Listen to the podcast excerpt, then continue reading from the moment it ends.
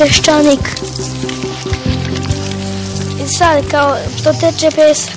Klali smo se malo među sobom, časkali,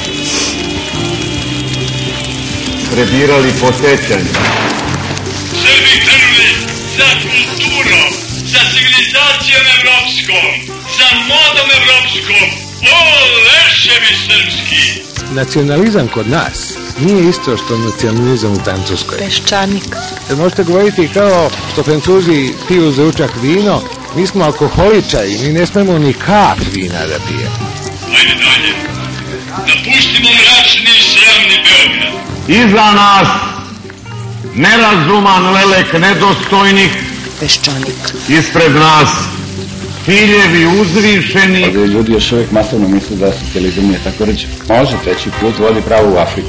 Ekonomski uvek, ako hoćemo tamo, onda smo na pravom putu. iznad nas zver koja nas vodi putevima gospodnjim.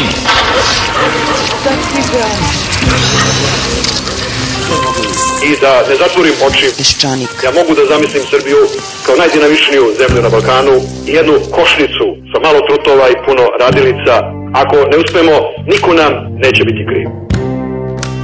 I dugo smo, dugo još putovali. Dakle, mi smo izgubili 5. oktobar, da tako kažem. Nepredviđen. Na televiziji vidim da se i rezultat drugog svjetskog rata promenio. Ugleda smo u bistroj vodi naša lica. Prema tome, ja očekujem da će Srbija krenuti nešto novo tek kad pobedi Turke na Kosovu. I iznenada briznu smo u plač. Peščanik.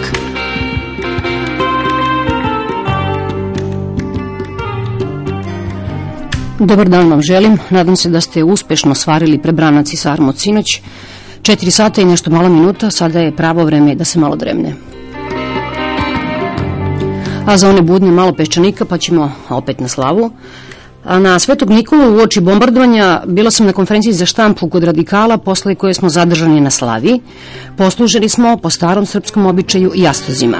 Vojvodkinja Maja Gojković ih je gledala sa ljubavlju, ali nije smela da ih pipne. Jastozi se jedu prstima, ali rekla je ne sme od šefa Šešelja, gadljiv je do povraćanja kada neko jede prstima.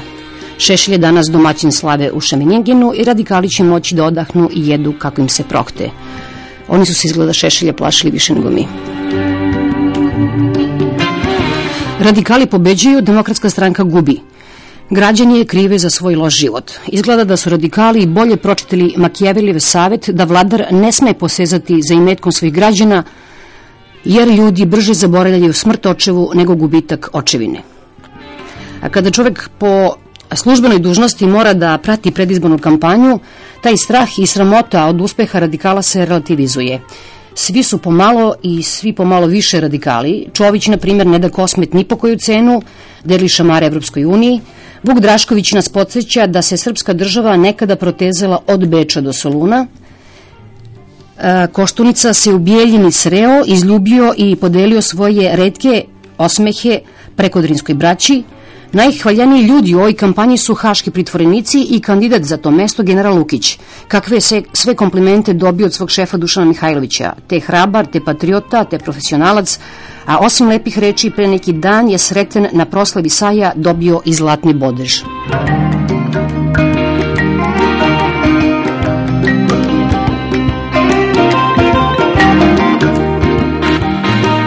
Kada se ne tako davno Francuska digla na noge zbog uspeha svojih neofašista, filozof Jean Baudrillard je rekao nešto što može važiti za naše radikale. Le Pen, kaže Baudrillard, nema potrebe da pobedi jer su njegove ideje prihvaćene u celoj vertikali društva. Le Pen više nije potreban jer je pobedio.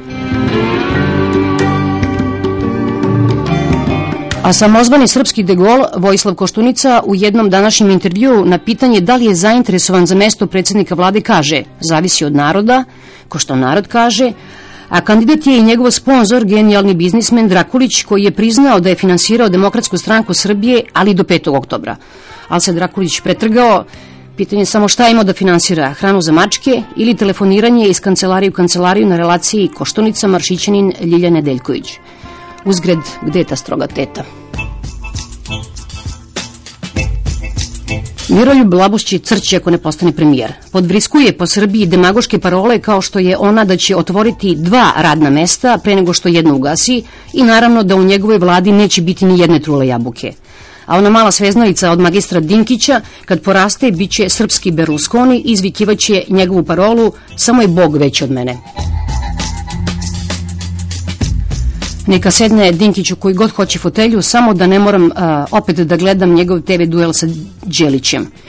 Kako je to mučno, uvek iz početka, ne samo što je Dinkić sve vreme nevaspitan i imitira Šešelja, a Đelić stalno na ivici plača, nego je neprijatna ta strast s kojom govori jedan o drugome. Jedna od opasnosti i odvratnosti svakog rata je intimnost pomešane krvi, lascivna blizina dva vojnika koji se probadaju gledajući se u oči. Boris Tadić se u nastavku politike iskrenosti izvinuo zbog ponašanja sofisticiranog Zorana Živkovića koji je izvređao novinara onog proizvoda što se kupuje na trafici, a nisu novine, Balkana. Prisutni novinari su se solidarisali sa kolegom iz tog lista i napustili salu. Na dostojanstveni otpor novinara, osijenom premijeru, malu senku baca činjenica da nisu napuštali salu kad ih je ponižavao Beba Popović, dok je bio moćan, kada je Nebojša Čović na lastivan način vređao novinarku Pinka, kada je na novinare siktao port parol Jula Ivan Marković ili SPO-a Ivan Kovačević. Nije, koliko znam Žikoviću, ovo prvi put da se mangupira i ponižava novinare, jedino mi je žao što se sala nije napuštala pre nego što je postalo jasno da je gubitnik. A u ponedeljak počinje suđenje optuženima za ubistvo Zorana Đinđića. Advokat Zvezdana Jovanovića je rekao da će možda zatražiti ekshumaciju Đinđićevog tela. Ne bi me čudilo da ova užasna ideja padne na pamet još nekome. A šta nas to pa sprečava da ga i mrtvog razvlačimo? Mogli bismo da, kad god se otkrije neka nova batajnica, umesto da se suočimo sa njenim sadržajem, još jednom iskopamo Đinđića i da sebi damo šansu da ga još jednom ubijemo. Da ne govorimo o tome koliko bi se tome radovao preosvećeni Amfilohije Radović, mogo bi još nekoliko puta da zaigra nad njegovim grobom. Sada da se vratimo našom, našom svetnim Nikoli, govori Mirko Đorđević. slava, krsna slava kako kažu, je zaista etno nacionalna etno-religijska karakteristika Srba, na Srba i sama Srba. Čak ni drugi slovenski narodi nemaju je, izričito je nemaju. Nađeni su neki rudimentarni oblici na nekim ostrvima u Hrvatskoj, te kod Arbanasa, ali to nije dokazano da je to to. To je isključiva srpska etno-religijska, etno-nacionalna karakteristika, a pokušaj da se kod Srba ustali i nešto drugo, poštovanje imendana, rođendana, nije se održao. Etnolozi i istoričari religije do danas spore koje je poreklo slave i postoje dve, dve teorije. Jedna je da je u stvari to paganski kult mrtvih i da je to svetkovanje paganskoga pretka, totema porodičnog, a druga je teorija, to već nije kod etnologa, nego kod nekih teologa, da je to crkveni obred, međutim nije. Ipak su u pravu etnolozi koji tvrde da se po svemu vidi da je u pitanju paganska vera i takozvana stara vera kod Srba, koji su istoričari, uzmite Čajkanovića, solidno izučili. To se ostalom vidi po tome što prvo mi jedini imamo, a drugo što je čitav ritual koji prati slavu isključivo paganski. Slavsko žito koje se zove koljevo, koje je u stvari beskrvna žrtva. Dakle, slava je u svakom slučaju ta karakteristika i ona je kasnije jednostavno kao i mnogi drugi običaj paganski hristijanizovana, date se hrišćanske karakteristike. Do koje mere ona nije imala crkveni karakter u ranim vekovima vidi se po tome što je tek 1862. godine mitropolit Mihajlo I nastojao da kodifikuje da je da sva crkvena obeležja, rezanja kolača, okretanja kolača i pojanja himni, ali u svakom slučaju, u jednoj i drugoj varijanti, ostaje vezana za porodični krug. Ona označava po tim imenom koji mi imamo jednu vrstu kultnog pretka koga porodica čuva i prenosi ga u nasleđe. Prenosi se s kolena koleno, nasleđuje samo muški potomci, smisao je njen da bude isključivo porodični praznik i da traje kao kratka svetkovina a danas čak praćena je gozbama koje traju višednevno, što je sigurno paganski običaj, pa se prenosi kasnije na svetkovine na groblja i druge gde duše jedu i tako dalje. Jednostavno, dakle, reženo, ona je hristijanizovana, kao što su mnoge druge. Srbi i kao vernici, pa ste to je vrlo zanimljivo, slave slavu, ali i kad su ateisti, slavu slave. Imali se posle rata jednu bizarnu vest u novinama. 46. godine. Visoki komunistički funkcioneri koje nabraja izveštač po ime Milentije Popović, Moša Pijade, na slavi kod Jaše Prodanovića. On je bio iz starog režima čovjek. Dakle, vidite, uvek je taj običaj postoje i on do danas postoji tim pre što danas dobija tu pompeznost koja sa smislom hrišćanstva nema neke dublje veze ili ostaje ta prepoznatljiva karakteristika. U nauci traju prepirke, pišu se debile knjige o tome da li je kod nas paganska suština hristijanizovana ili je hrišćanstvo paganizovano kad se naučno pažljivo odmere činjenice i gleda da je ovo drugo, ja sam bliži ovome, pogledajte primjer Svetoga Save, to je tako jedan slava velika, čak nacionalni patron, kako ćete mi objasniti činjenicu da je on to što je, ali on je u dobrom delu narodne tradicije, u preko 50 pripovedaka sačuvanih, prikazan kao svetitelj, zaštitnik Vukova na čelu Vučjega Čopora, koji ljudima čini zlo, a ne dobro. Posle brojni primjeri, to je Čekanović objasnio. Dakle, paganizovani su i neki duboko hrišćanski sadržaji, kao što je hrišćanstvo u početku hristijanizovalo formalno neke tradicionalne mnogobožačke paganske sadržaje.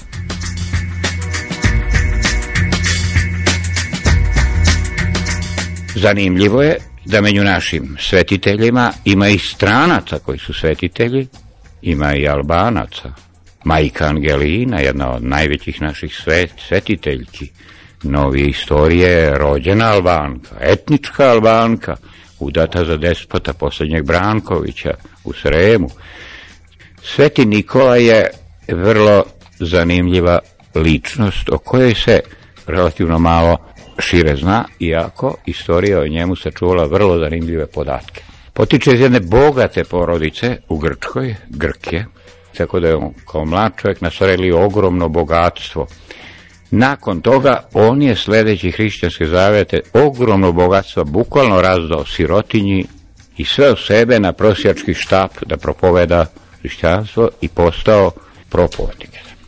Timon je bio istovremeno veoma učen čovek i učestvovao je na prvom vaseljenskom saboru 325. godine u Nikeji, jednog od naj, najvažnijih sabora na kome je utvrđen devet članova simbola vere, verujemo Saborske su sednice i plenove bile tako burne oko nekih pitanja, da je on u jednom momentu fizički nasrnuo i naneo povrede. Tukao je Arija, pristalice druge teorije, drugog shvatanja, da mu je naneo povrede i skandala bio tolikih razmera da je svetom Nikoli, kako kasne tradicije zove, bilo zabranjeno dalje učešće na saboru. Odstranjene sa sabora. Radilo se do mučnom vremenu kad se raspravljalo o trojici, svetoj trojici u ime Boga, Oca, Sina i Svetoga Duha. I javila se jedna moćna struja u hrišćanstvu 325. godine, koja tvrdila da je to vrlo maglovita formal, formula. Kako to da razumemo? Jedan Bog, a ovamo tri ličnosti. To je nemoguće. To je bio Arije. To je takozvana arijanska jeres. Arije je pokušao da racionalno ponudi jednu na, racionalnu formulu, da pokušamo mi da objasnimo jedan je Boga, ostalo su emanacije. To je naišlo na takav otpor da je on osuđen kao jeretik, a na saboru Nikeji prihvaćena je ona formula koju je zasupao Sveti Nikola, da je jedan Bog, ali on se u tri likova pojavljuje, tri ipostasije pojavljuje i da je to isto bitno, da su otac i sin isto bitni Vama danas to deluje smešno, ali to, je, to su vekovi krvavi borbi, progona, osoda, žrtava oko te teme, oko tog izraza homouzios, istobitan. Tu je Arija izašao kao poražena strana Sveti Nikola, kao strana koja je zastupala tu saborsku većinu. Plenumi su trajali dugo, pitanje su, tu se radilo o biti ili ne biti hrišćanstvo. To je taj Sveti Nikola koji se koga 30% dana slavi.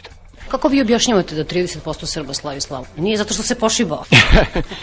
Sveti Nikola je prihvaćen tako široko kod nas preko Grka, preko Grčke crkve i zato još što je široko bio u hrišćanstvu prihvaćen sve do Aleksandrije, dakle na širokom prostoru, jer spada u takozvane velike oce i učitelje crkve. Otuda je prihvaćen. A što se slave tiče, dakle tu treba pomenuti koji je čin prati, to je poznato. Postoji ikona svetitelju, ikona sa osveće, obavezno je žito, to je ta kvasna, kvasni hleb, žrtvo simbol vaskrsenja, jedini svetitelji sveci kojima se ne kuva žito, sad u Beogradu pričaju drugu priču, to je sveti arhangel Mihajlo, kome se ne kuva žito, jer je još živ, i sveti Ilija još je živ, jer oni nisu obični sveci i svetitelji, nego su takozvane po definiciji bestelesne nebeske inteligencije, dakle njima, jer žito je simbol kulta mrtvih, žito se daje mrtvima, žito, to je to. A sad u Beogradu u poslednje vreme, znate, do te mere se to paganizovalo, da je za ovaj Aranđelov dan, koji slavi bivši šef države Koštunica, kuva se žito, što je svojevrsni skandal, ali oni objašnjavaju, pa, znate, to je, koji je šta. Govore Teofil Pančić i Borka Pavićević. Govor mržnje je za vreme Miloševića, a pogotovo u ranoj fazi Miloševićevog režima, bio kako da kažem, centralizovan. On je bio usmeravan sa državnog vrha preko, kako se to nekad govorilo, transmisije u vidu medija, pre svega radio televizije Srbije i kuće politika i kuće novosti takođe. Dakle, preko tih centralnih državnih medija on je naprosto bio produkovan. U svrhu, razume se, opravdavanja u napred osvajačkih pohoda ili već kako god da ih definišemo u svakom slučaju ratova koje je ta država i koje je taj režim vodio. Danas je govor mržnje stvar privatne inicijative. Dakle, vi imate gomilu medija koji postoje u ovoj zemlji samo zato, realno samo zato da bi zapravo tu nekakvu prostačku i fašističku matricu negde održavali prisutnom u javnosti. Dakle, taj govor mržnje se iz nečega što je bilo usmeravano i na neki način oktrojisano iz kabineta vlasti, zapravo preselio, po, počeo naprosto da živi jedan samostalan život. Tržišni. On, da, on je postao, to je postao tržišni fašizam. Vi imate jednostavno medije koji su ajde, tako ne subtilno rečeno, ali ne baš daleko od istine, koji su naprosto fašistički, jer misle da se to isplati, da je to nešto što će se čitati i da je fašizam nešto što ovde ima lepu tržišnu prođu. Ima sada jedna stvar koja je meni zanimljiva. To je pristojnost. I onda se kaže kako je čitava ova kampanja i sve što ljudi rade pristojno a vi u stvari vidite da bi ti ljudi tako skočili jedan na drugog tokom cele te pristojnosti kojom oni razgovaraju, u ostatku tih ljudi koji su se pljuvali, vi u stvari vidite da su bez tog jezika oni u stvari nekreativni. Pretpostavljam da normalan gledalac televizije dalje nema pojma zbog čega je jedan guverner otišao, a drugi došao. Mislim, mi imamo neku personalnu čaršijsku politiku i onda vi u stvari vidite da taj ispražnjeni prostor mržnje nekadašnje. Ja sam pre neki dan na jednoj konferenciji za štampu i to Ujedinjenih nacija čula pitanje jednog novinara koji kaže ovako ali vi Romi, cigani nikako nećete da idete u školu. Evo, mi smo napravili školu i vi opet pobegnete iz škole. Ta varvarizacija je postala tolika da ljudi u stvari i nemaju pojma da se to inače ne radi. Ja sam pre neko veče kupovala nešto u kiosku i ovaj, sagnula sam se da izvadim novčanik iz torbe. Jedan vrlo visoki oko muškarac kao Teofil me jednostavno prekoračio. I čovek je preko mene nogama prešao, kupio tamo neku karticu za telefon. Razumiješ, misliš čoveče, jesi li bre ti normalan, mislim. Hoću da kažem, to je toliko poprimilo, taj govor mržnje se u stvari spustio u stvarnost.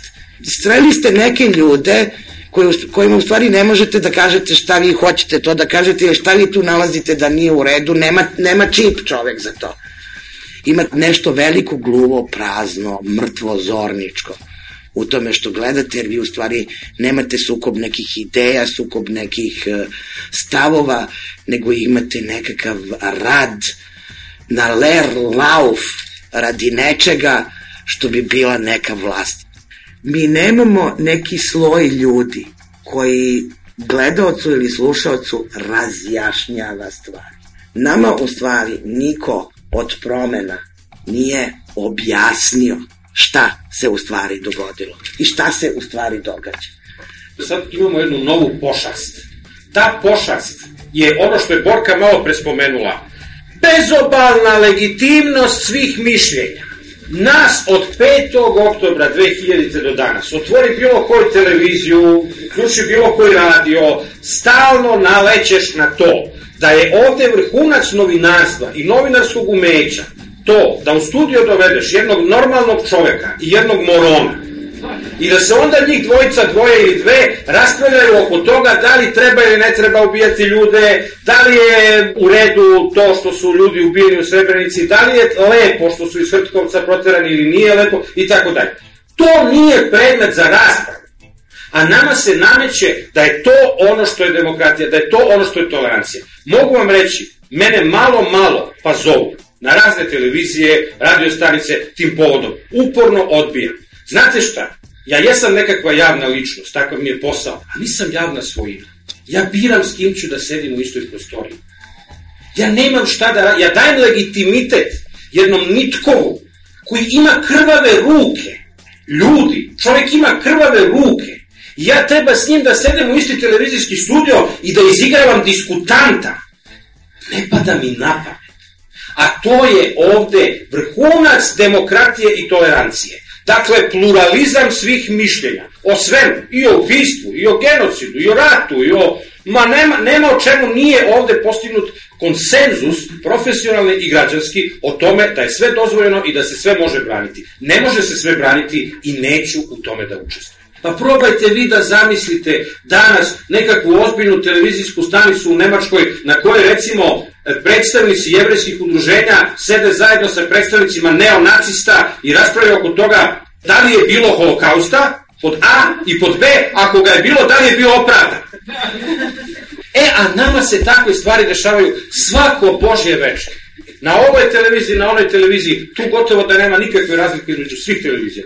E sad, kada iskažete ovu vrstu shvatanja stvari, koju recimo sam ja sada iskazao u ovih nekoliko minuta, vi obično dobijete jednu strašno zanimljivu e, titulu. Dobijete titulu ekstremiste. Ovde je stvoreno nešto što ja zovem ideologija lažnog centra. Postoji jedan ogroman sloj ljudi među našim intelektualcima, među novinarima, među piscima. Oni su u centru. Oni ne vole nacionaliste, šoviniste, fašiste, to im se gadi.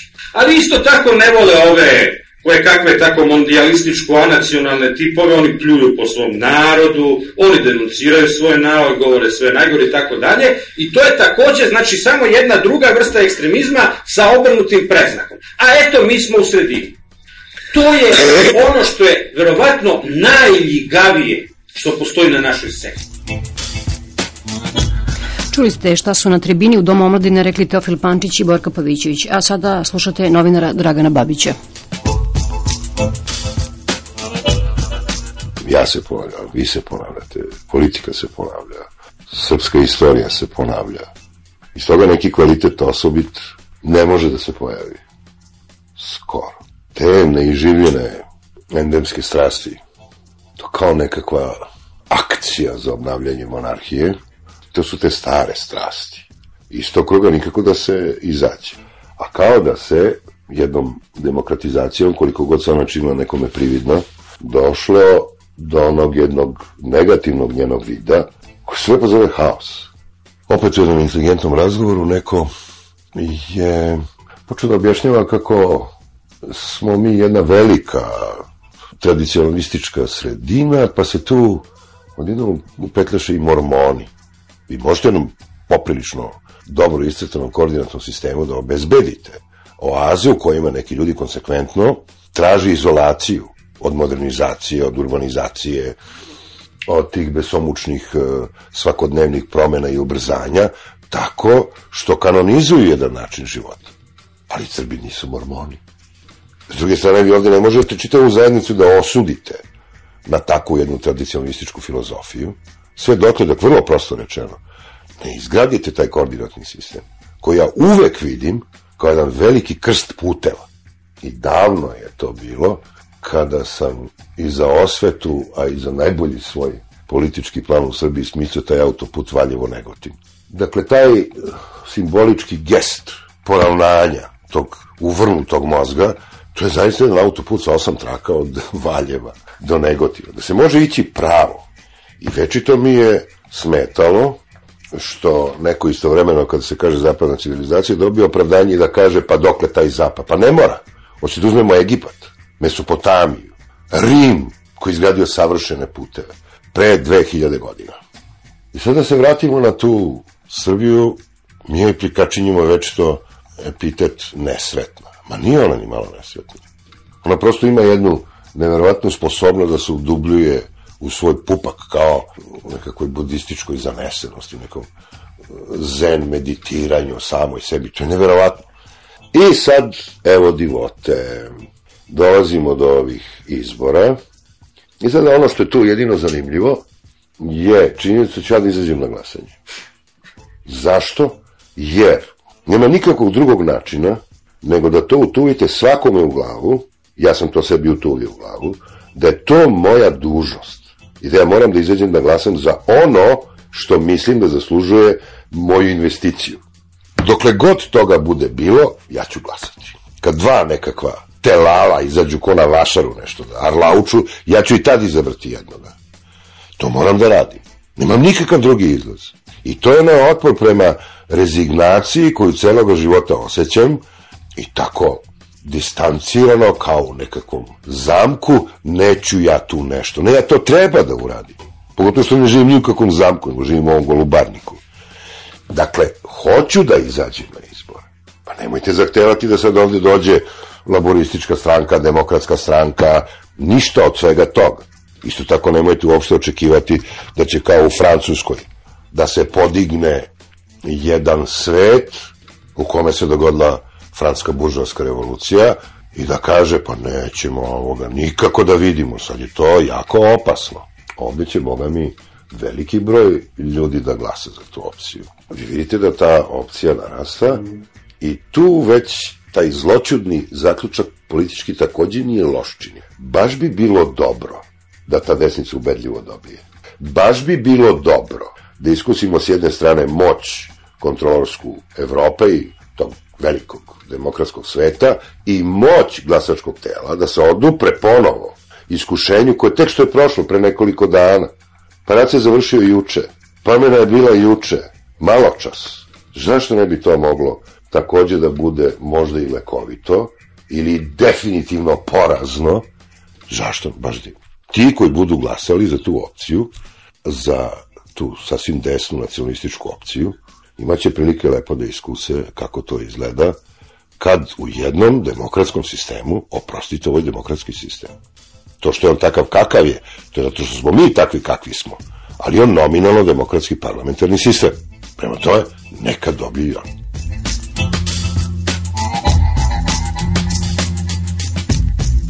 Je još uvijek na onom istom nivou na kome su održavani izbori u monarhističkoj Jugoslaviji. Sjetio sam se nekih pasusa iz uh, Stojadinovićeve knjigini Ratni pakt.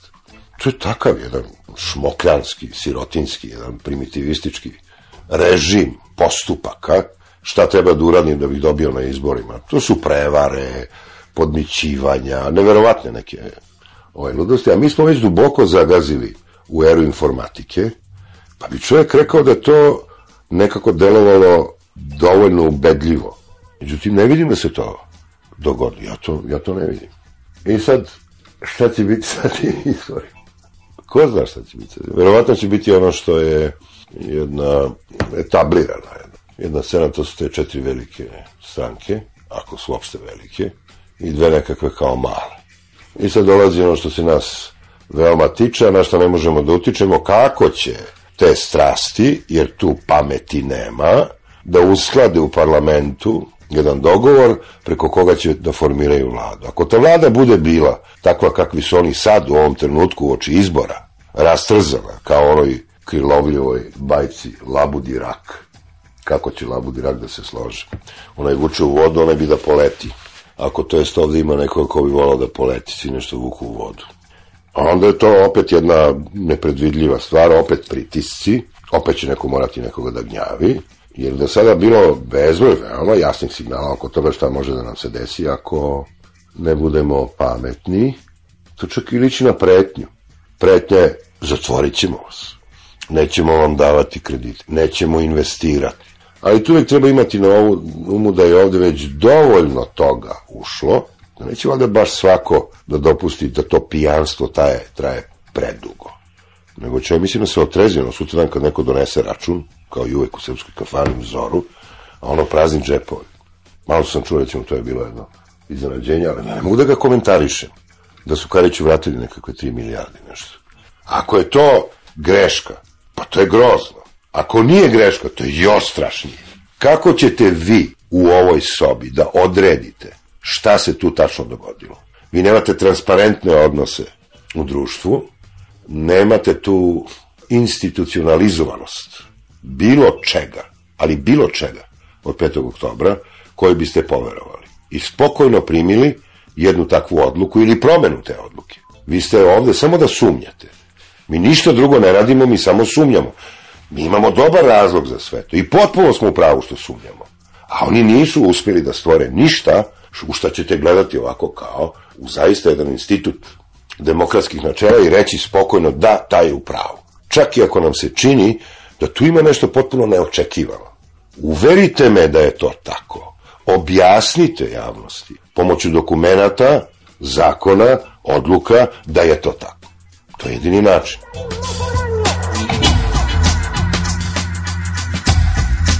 Ne, ne, mi ne pitate ništa, pa...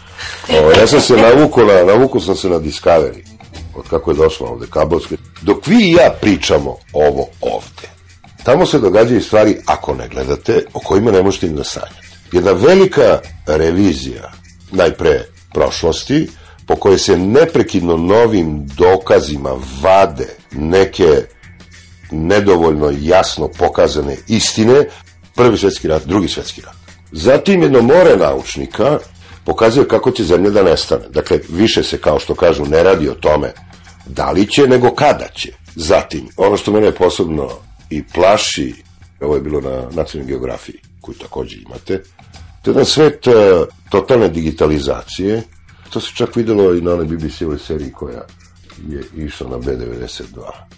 To je svet agresivnosti, svet bez milosti. Sova više nije ona mudra ptica koja kunja danju, a noću lovi miševe. To je zver. Ceo život je ždranje. To je priča o tome ko koga jede. I ne tvrdim da je politika tih medija da samo brutalizuje tu sliku. Nego mislim da je politika svih tih događaja kako ih oni prikazuju da nas neprekidno upozorava u šta smo već zagazili. To je ono, knjige kažu, množite se, a ekologija pita, a čime ćete se hraniti? Kako ćete se odevati? I ono najstrašnije pitanje, gde ćete svoje đubre ostavljati? To su pravo ubrzanje. To su zastrašujuće ubrzanje. Prikazali smo pre neku noć kako izgleda avionski saobraćaj u Evropi. Kako kad pustite pčele. I one kao lude idu od Amerike i Evrope, posle dva sad se vraćaju. Naizmišljali su milijarde tih mogućnosti da se to nekako kontroliše, a onda oni kažu, eto jedno od rešenja. Kažu, to je politički problem. Svaka država, čuvajući svoj suverenitet nad svojim teritorijom, ne dopušta drugi imaju kao kontrolu. Tako da onog trenutka kada se budete odrekli jednog dela suvereniteta, ostavljajući jednom centru koji će kontrolisati čitav avionski saobraćaj nad Evropom, mi imamo gotovo tehnološko rešenje. Mi smo daleko od toga da se time bavimo, da smo rešili ono da ostanemo mormoni, šta nas briga, mi imamo čeze, konje, pumpamo vodu ili vadimo kofe iz što je divno, jel? Ali neće svakog teti to, će neko da leti, jel? Ta vrsta spoznaje je daleko strašno od nas. Sačuvaj Bože koliko je daleko. Eto, time se ja bavim, sedim tu, gledam to. Oni mi dali sve to pogasi, ne gledam posle ništa. Slava, slava, slava Srbinu, zemno zale srpski sine, ti si vam svi u nas. Si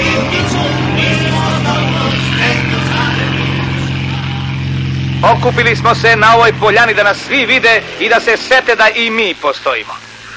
Ja mislim, drugovi, da mi ne bi trebali odavde da se pomerimo dok i mi ne dobimo avion. Sva sela oko nas imaju po avionče, a mi ko siročići.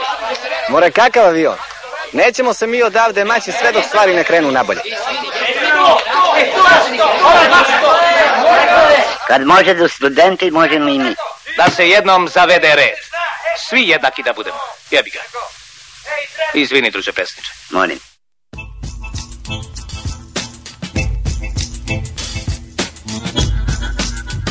Pošto praktično svi lažu i svi mažu nešto, onda nekako ljudi biraju ono što im najljepše zvuči. Na kraju se ispostavilo da je tako, nešto što im greje srce iz nekih Pa njima razloga. radikali najbolje zvuče sad. To je odgonetka. Sve više ljudi čujem ovaj, koji, neki zlurado, neki onako trezno kažu, pa zašto neka ti koji to bili neka probaju tu opciju.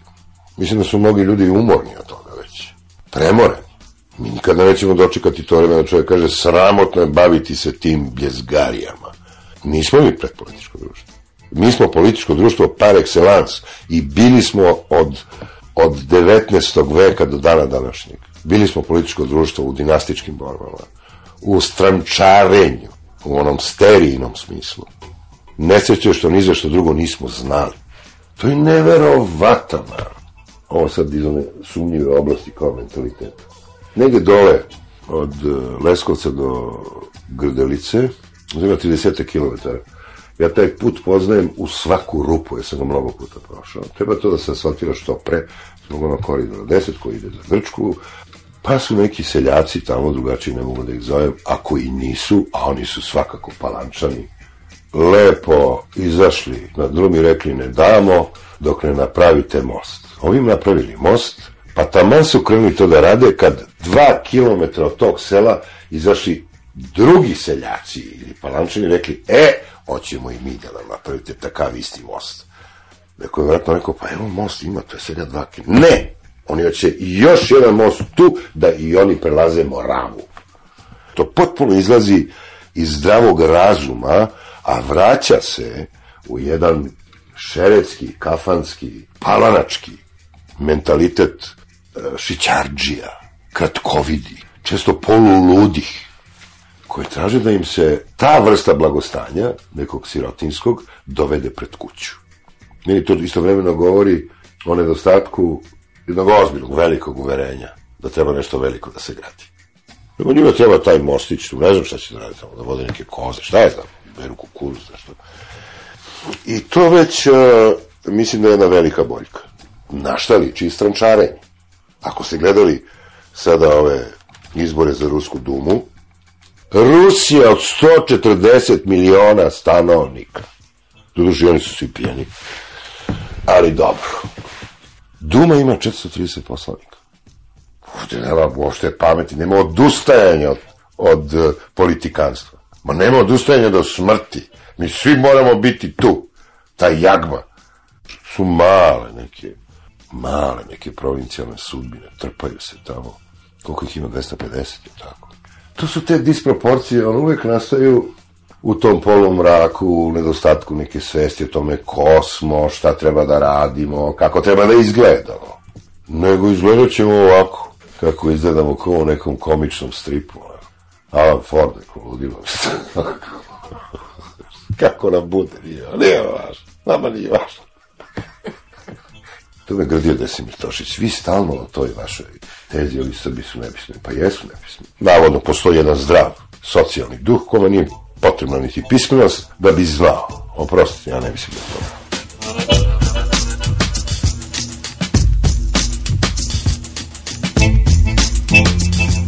Bio je ovo novinar Dragan Babić, a sada govori profesor Miodrag Zec. Ja zaista istinski ne mogu da razumijem strast sa kojom se hiljade ljudi upuštaju u političku borbu i da su svaki izbor istorijski i da učestvuju tu na hiljade ljudi i stotine političkih partija. I ono što je za mene psihološki i kulturološki fenomen, da znači jedni razumni ljudi, obrazovani ljudi, sa tolikom strašću ovaj ulaze u nešto što se zove izbori, sa tolikom željom prosto hrle da na sebe preuzmu zadatke koji ja mislim da se ne mogu ostvariti. Onda postoje čovjek pitanje.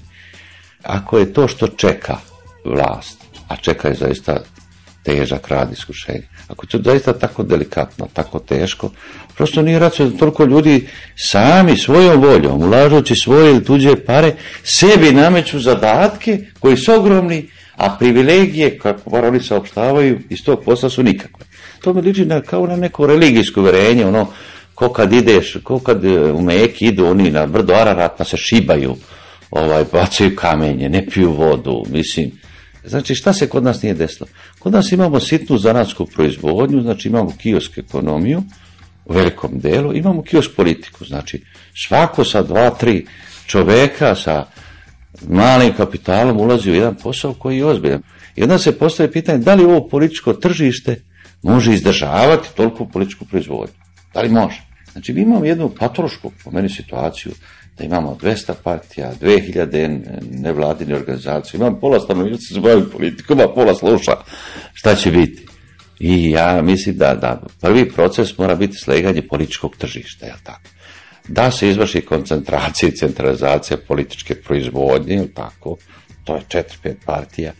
Da se uvedu svetski ili jugoslavijski standardi u proizvodnju političkog proizvoda kao što se prodaju mleko kome je prošao rok, jel tako, pa niko ne odgovara, tako se prodaju političke ideje, mislim, kojima je rok izašao, pa niko ne odgovara.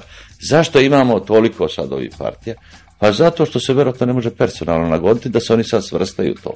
A onda se koriste razni argumenti, ovi, oni tako. Koriste se recimo cenzus. I na kraju mi možemo doći do patološku situaciju da cenzus treba biti jedan čovjek, jedna partija.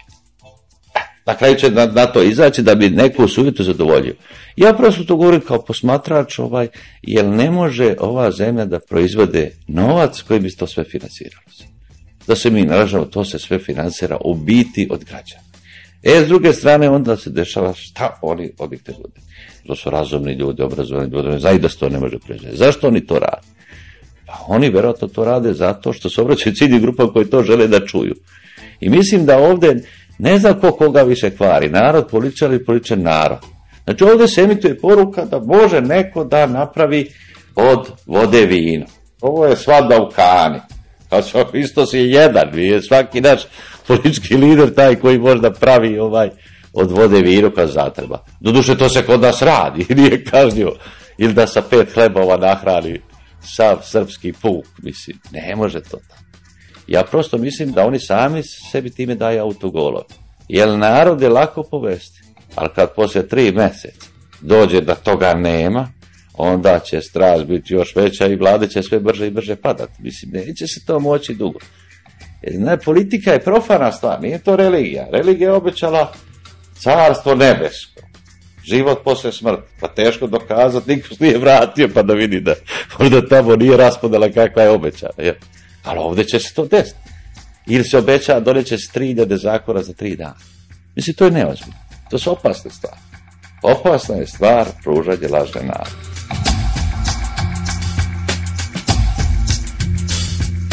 Mala zemlja ima šansu samo kroz međunarodnu trgovinu. Mala zemlja krizi u sunovratu koliko je zatvorena. I mi ni jednu robu ne možemo proizvesti.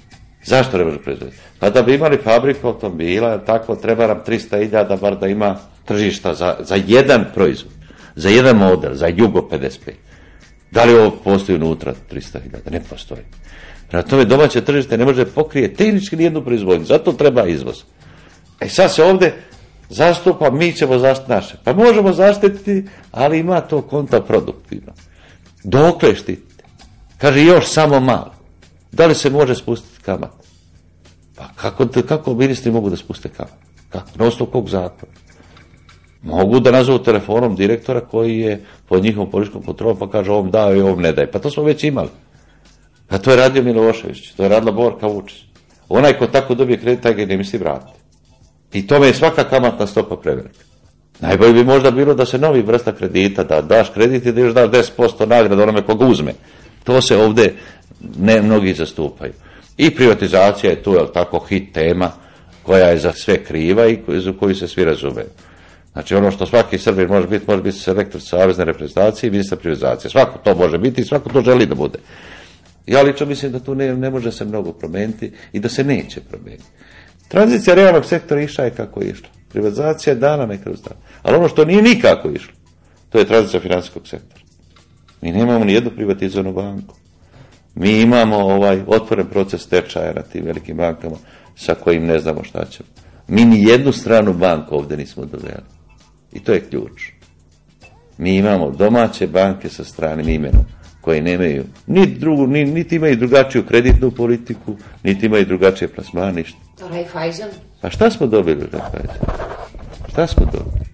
Raiffeisen je domaća banka. Čovjek je dobio pravo da prikuplja štednju ovdje, tako?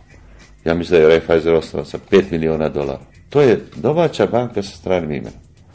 Mislim da bi velika bila stvar da dođe zaista onda bar jedna velika svjetska banka u kojoj bi bar ljudi verovali. Jer mi ne vidimo da je to rast je devizne štednje, ali tu stalo donekle. Stalo je to. Mi nemamo osiguranje depozita, mi to nemamo. Znači svako ko je uložio u banku, uložio na svoj sopstveni rizik. Problem je jedan, jedan generalni. Dosta ljudi je došlo iz svijeta ovdje. To je hvale vredo. Ljudi su doneli znanje i mladi su ljudi, ja to sve podržavam. Međutim, ono što se desilo, niko nije ni kakav realan biznis Svi su otišli u državu. Svi u ministarstvo financija, Narodnu banku, komisiju, trezor, sve ide vlast. Mora se neka roba proizvesti, ne može se samo raditi konsulting. Ja ne kažem da to ne treba, ali ako se ovo drugo ne desi, džaba smo kreći.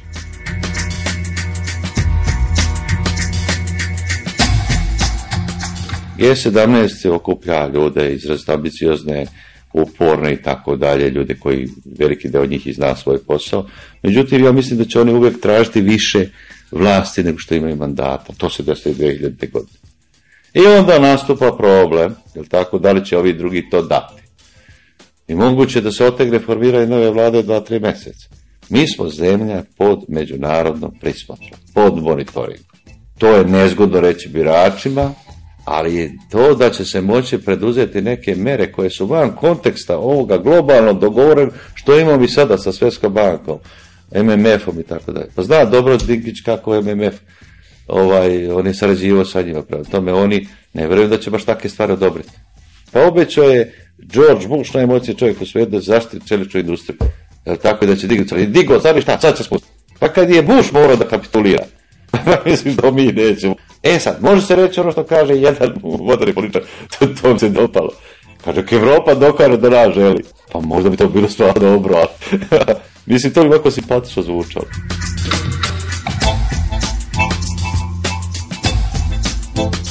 za cijeli taj kontekst ovaj, oko Karića, ja ne znam tu detalje, ja mogu samo nekoliko stvari načinu da kažem. Taj zakon je deo bio također političke ponude. I to dobro zvuči.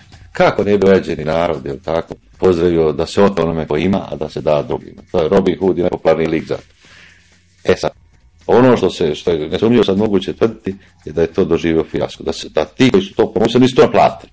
Ako treće učinjeno još, koji je najveći obveznik, učinjeno više na apsurdnija stvar.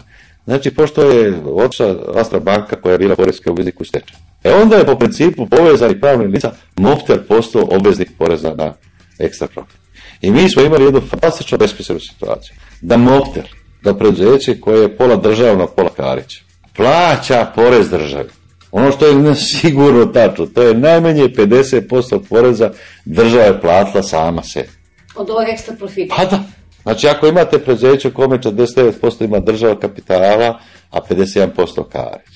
Sva dobit toga preduzeća, dobit preduzeća se deli na te ravne. Ako se plati porez, smanjit će se dobit, jel tako? Znači, račun je jedinstven.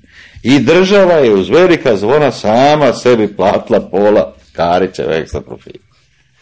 Ja sad ne znam kako su vratili pare, kome su vratili pare, da li Moptelu, što bi bilo logično, pa da je država sama sebe opet pola vratila, ili su možda vratili Kariću direktno, što bi bilo za njega krajnje jedan dobar potez. I na velika zvona se to uda. Ja to ne mogu nikako da shvatim. I kaže, uspjeli smo da plati toliko, pa, pa na kako smo uspjeli? Sami od sebe. Bar pola. Ili bar 49%. I drugo, tako se to nikad nije ni moglo riješiti. Nesumnjivo je ogromne preraspade kroz inflaciju bili. Nesumnjivo je da na više tačaka curio taj novac, da li kod Karića ili kod drugih. Ali ono što se upustilo 2000 godine, da se na bazi evidencija računovodstvene to napred, to nije bilo moguće. To je moguće bio samo jedan azijski sistem koji je primjenjiva u Egiptu, u Turskoj i tako dalje, da šef države pozove te odoka izabrani ti 100, 200 i tako dalje i da je onako džentlmenski zamoli. Da ovaj napravi bolnicu, ovaj napravi obdanište, ovaj vatrogasnu stanicu i mislim da bi mnogi od tih prihvat, mislim da bi Karis to prihvat. Ovako šta smo dobili? Hiljade ljudi istraživalo, kopalo papire, analiziralo, dotarivalo i na kraju šta sad? Mislim da tako nije moguće to izračunati. Moguće, ja mislim da je to bilo u Egiptu. Podeliš, brate, zaduženje, oni fino plate, njena bač. To je azijski način života.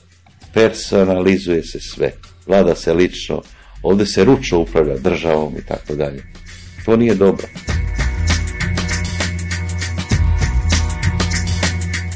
Postoji dva u ekonomiji, dva modela. Jedan je model da se ide sa tradicionalnim zadovoljanjem tražnje. I tu nema veliki profita. Tu je moguće samo veliki obim. Pa na bazi velikog obima veliki profiti. Znači, ljudi vole da piju pivu. Drugi model ekonomije je da ponuda kreira tražnje, da neko nešto izmisli i da zaradi ogroman novac. Microsoft, on je smislio proizvod pa je onda napravio ogroman biznis. I tu je moguće enormno bogaćenje. Znači čovjek može zaista u tog svog života da pođe od 250 dolara završi na 25 milijardi. I da nikom nije uzeo, nije silo. A šta se kod nas desilo? Kod nas desilo da su ljudi počeli da drže kiosk ili šta ja znam ne, i sad imaju 5 milijardi. A nisu pronašli Windows, nisu pronašli parnu mašinu, nisu pronašli ništa. Znači u jednom tradicionalnom biznisu su zaradili toliko. Kako je to moguće? To je moguće samo s državom. Suština je u tome. Znači ljudi imaju potrebe da razgovaraju pa onda ovi izmislili telefon, pa onda televizor, pa onda internet, pa mobilni telefon, pa vizualni telefon, pa svašta.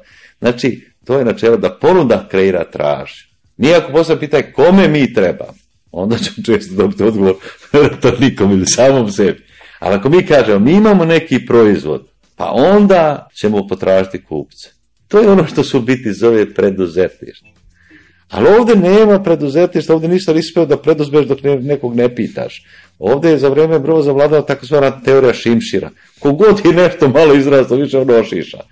Ovi što proizvode kažu, imam poznatu tražu, pa ne mogu se tu udomiti. Da mi je dobiti nabavku kod MUPA. Ili recimo, kad čovjek završava, recimo student. Kaže, gde ću se ja zaposliti? I kako on logicira? Logicira postojeći raspored. Pa Bill Gates nije razmišljao da će zaposliti, on je kreirao potpuno novi proizvod.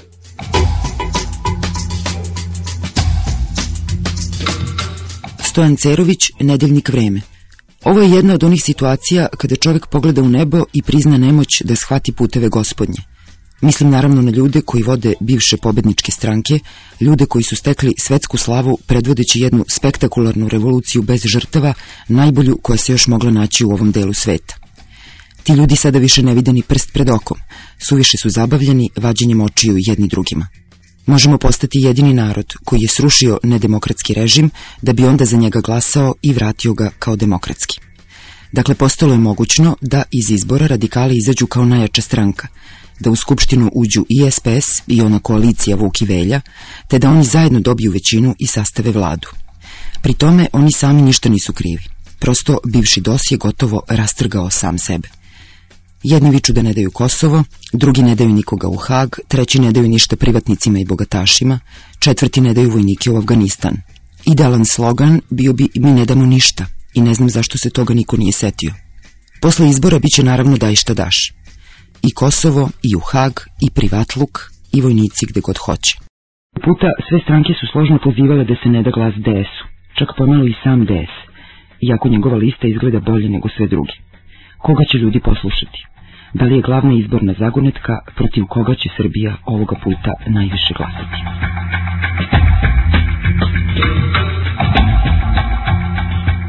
Peščanik